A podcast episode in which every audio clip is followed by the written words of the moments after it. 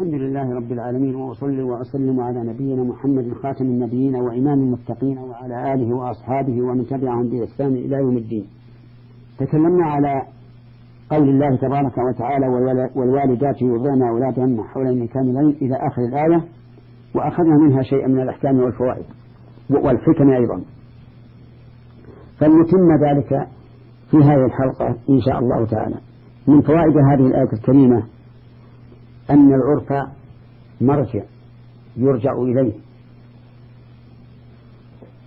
في الأحكام لقول الله تعالى بالمعروف. واعلم أن كل ما أتى في الكتاب والسنة مطلقا بدون قيد شرعي فإنه يرجع فيه إلى العرف. وعلى هذا يقول الناظم وكل ما أتى ولم يحدد بالشرع كالحرز فبالعرف احدثي. الحرز يعني حرز الأموال.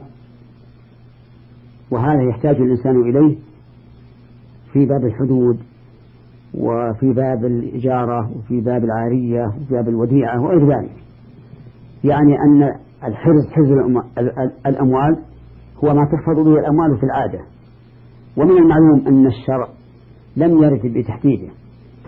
فلم يقل حرز الغنم كذا حرز الإبل كذا حرز الذهب كذا حرز الفضة كذا حرز اللؤلؤ كذا حرز الأواني كذا لا لم يرد. فيرجع في ذلك إلى إلى العرف. كذلك هنا الرزق يعني آه، الطعام والشراب والكسوة بالمعروف. لم يحدد الله عز وجل فيرفع فيرجع في ذلك إلى العرف. ويختلف هذا باختلاف الأحوال العامة والخاصة. مثل أن يكون البلد ضعيف الاقتصاديات. من البلاد الفقيرة. فيكون على المولود له من رزق المرضعة وكسوتها ما يليق بأحوال البلد. وقد يكون هذا مختلفا باختلاف الحال الخاصة بأن يكون البلد بلد غنى. لكن هذا الرجل المعين فقير. فيعتبر بحاله. ولهذا قال عز وجل لا تكلف نفس إلا وسعها. إشارة إلى أن الرزق الذي يجب على المولود له يكون بحسب حاله. ومن فوائد هذه الآية الكريمة كمال رحمة الله تبارك وتعالى حيث لا يكلف نفسا إلا طاقتها. وهذا شامل في الأمور في أمور العبادة وأمور المعاملة وغيرها. أن الإنسان لا يكلف إلا ما يطيق. لقول الله تبارك وتعالى ربنا لا تؤاخذنا إن نسينا وأخطأنا ربنا ولا تحمل علينا إصرا كما حملته على الذين من قبلنا ربنا ولا تحملنا ما لا طاقة لنا به. فقال الله تعالى قد فعلت. فكل ما لا يطيقه الإنسان فإنه ساقط عنه فإن كان في حق الله فالأمر واضح وإن كان في حق الآدميين فإذا سقط عنه فلصاحب الحق أن يأخذ بحقه على حسب ما تقتضيه الشريعة.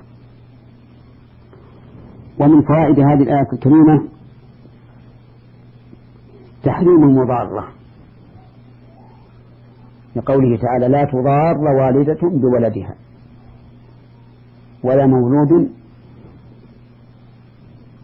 بولده. وقد قال النبي صلى الله عليه وسلم لا ضرر ولا ضرار. فإن قال قائل ما الفرق بين الضرر والضرار؟ قلنا الضرر ما حصل عن غير قصد والضرار ما حصل بقصد وكلاهما ممتنع لكن الضرار أشد لأنه يحصل بقصد والضرر بغير قصد لكن لا يجوز الإبقاء على الضرر. بل الضرر منفي شرعا. من فوائد هذه الآية الكريمة أنه قد يحصل من الوالدة أو الوالد مضارة. وهذا خارج عن طبيعة الإنسان ومقتضى الفطرة لكنه واقع. فإن من الناس من يضار ولده ومن الناس آه، ومن النساء من تضار ولدها. ولكننا نقول مضارة القريب لقريبه أشد من مضارة البعيد للبعيد. لأن مضارة القريب لقريبه يحصل فيها مفسدتان. المفسدة الأولى مفسدة المضارة والمفسدة الثانية قطيعة الرحم. ومن فوائد الآية الكريمة عناية الله سبحانه وتعالى بالضعفاء. ومن لا يستطيعون أن يأخذوا الحق بأنفسهم حيث إنه تبارك وتعالى لم يرخص في فطام الرضيع إلا إذا وقع عن تراض بين الوالدين وتشاور. لقوله فإن أراد فصالا عن تراض منهما وتشاور فلا جناح عليهما. وهذا يدل على عناية الله تعالى بالضعفاء والأمثلة على هذا كثيرة ومن فوائد هذه الآية الكريمة جواز استرضاع امرأة أخرى للمولود لقوله وإن, وإن أردتم أن تسترضعوا أولادكم فلا جناح عليكم.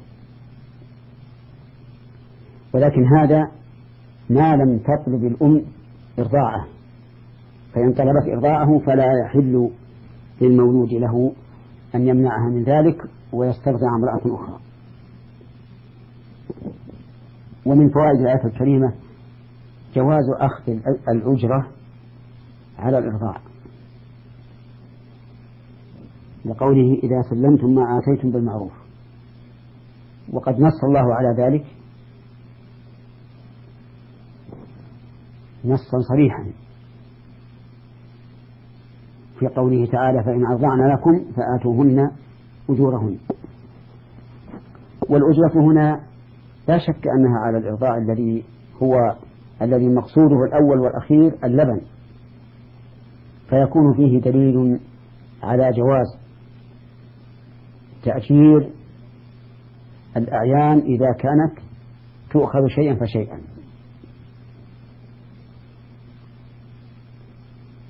كتأجير الشاة لأخذ لبنها. مدة شهر أو أسبوع أو نحو ذلك.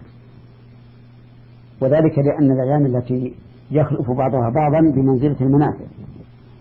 والإجماع منعقد على جواز الاستئجار لاستيفاء المنافع المباحة. ومن فوائد الآية الكريمة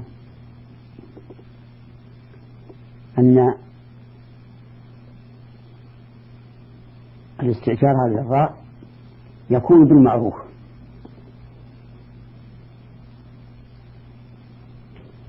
بمعنى أن لا يماطل المولود له بالأجرة ولا يجحد شيئا منها بل, يسلم بل, يسلم بل يسلمها تامة.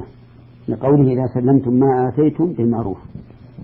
ومن فوائد الآية الكريمة وجوب تقوى الله والتحذير من مخالفته. ومن وجوب ومن فوائد الآية الكريمة أن الله تعالى محيط بكل ما نعمل. عالم به وهذا يترتب عليه فائدة وهي الحذر من مخالفته. لأننا مهما كتمنا فالله يعلمه فيجب علينا أن نحذر من مخالفة أمر الله تبارك وتعالى. وإلى حلقة قادمة إن شاء الله. والسلام عليكم ورحمة الله وبركاته.